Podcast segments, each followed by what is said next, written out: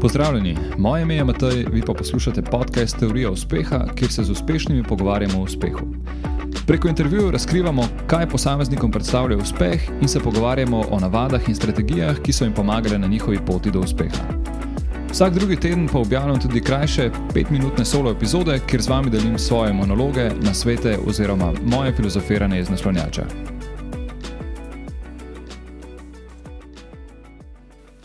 Danes bomo govorili o samogovorih oziroma o besedah, ki jih izrečemo sami sebi. V enem dnevu naj bi v povprečju ženska izgovorila crka 20 tisoč besed in moški 7 tisoč besed. Ampak običajno se ne zavedamo, da so najbolj pomembne ravno tiste besede, ki jih izrečemo sami sebi. In ravno sami sebi pogosto oziroma prepogosto izrečemo besede, ki jih ne bi namenili niti osebi, do kateri ne gojimo ravno pretirano pozitivnih čustev, če malce ulepšano povem, um, najverjetneje pa jih ne bi nikoli namenili svojemu prijatelju. Naprimer, naredim neko napako ali pa pozabim kupiti uh, kruh v trgovini, ali pa vem, polijem kavo in že si učitam, kako sem neumen, kako sem neroden, uh, ali pa mogoče še ujačam kritiko in se okličem s idiotom ali pa kretenom, nesposobnežem ali pa mogoče še čem drugim v tem rangu. In V bistvu nisem bil nikoli ravno pretiran pozoren na to, dokler nisem naletel na ene intervjuje s psihologinjo Lori Getlip in pa na intervjuje s hipnoterapeutko Mariso Per. In šele ko sem naletel na to njuno filozofijo, eh, ki pravi, da nas zgodbe, ki si jih pripovedujemo sebi o sebi, dejansko definirajo, in pa da možgani zaznajo, kaj mi govorimo o samem sebi, in nas tudi definirajo na podlagi teh besed, ki si jih mi izrečemo. Ne. Šele takrat sem začel mogoče malo bolj resno razmišljati o svojih reakcijah in bolj zavestno kontrolirati svoje ne vem, monologe in neke reakcije na svoje dejanja. Po eni strani je v bistvu logično, da vse ljudje uporabljamo afirmacije za izboljšanje samopodobe in da se nekako prepričamo, da smo vredni in sposobni, da dosežemo neke želene cilje, ampak afirmacije so nekako načrtovane. Ne? Mi, mi v bistvu planiramo, da bomo neke pozitivne besede izrekli sami sebi. Um, naši odzivi na dogodke so pa v bistvu spontani in pogosto ne sovpadajo ravno najbolje s tistimi besedami, ki jih mi uh, uporabljamo, da si gradimo neko samo podobo.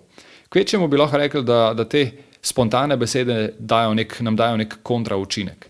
Zdaj, če verjamemo, da afirmacije dokazano delujejo, potem verjetno ne rabimo prav pretirano razmišljati, uh, kako deluje nek negativen govor samem sebi.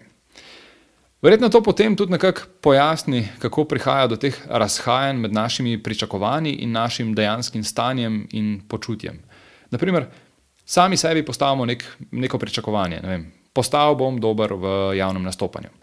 Potem pa se, brez da bi se tega zavedali, ob vsaki napaki, ko, ki jo naredimo, ko vem, vadimo ta nek govor, ki ga bomo imeli, uh, se ob vsaki napaki kritiziramo. Vsaki si razložimo, kako smo nesposobni in si povemo, da nam to ne bo nikoli uspelo.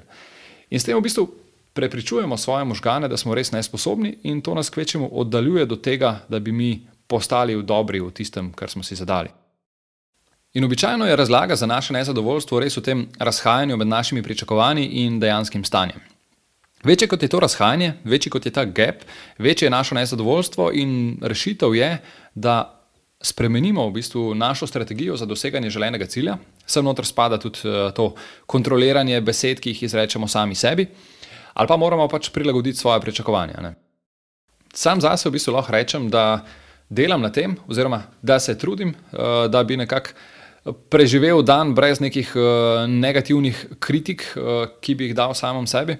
Um, ampak v bistvu v celoti to mi seveda nikoli ne uspe.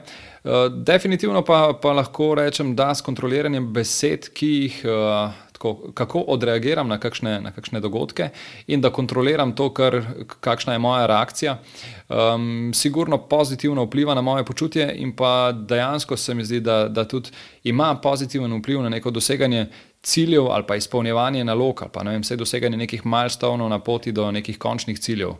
In verjamem, da je to neka tako uporabna metoda, ki če je še ne uporabljate, da jo je vredno preizkusiti. Še ena zadeva, preden greš, oziroma dve zadevi, preden greš. Najprej res hvala za poslušanje podcasta. Če ti je bila epizoda všeč, te vabim poslušati ostalih epizod, tistih, ki so že objavljene in tistih, ki še bodo. Hkrati pa te prosim, da na svoji podcast platformi podaš oceno oziroma pustiš komentar ali pa mogoče še več, da deliš podcast s svojimi prijatelji oziroma osebami, za katere meniš, da bi jih utegnil zanimati. in mi tako pomagaš pri širjenju prepoznavnosti podcasta. Še enkrat hvala in se slišimo v prihodnji epizodi.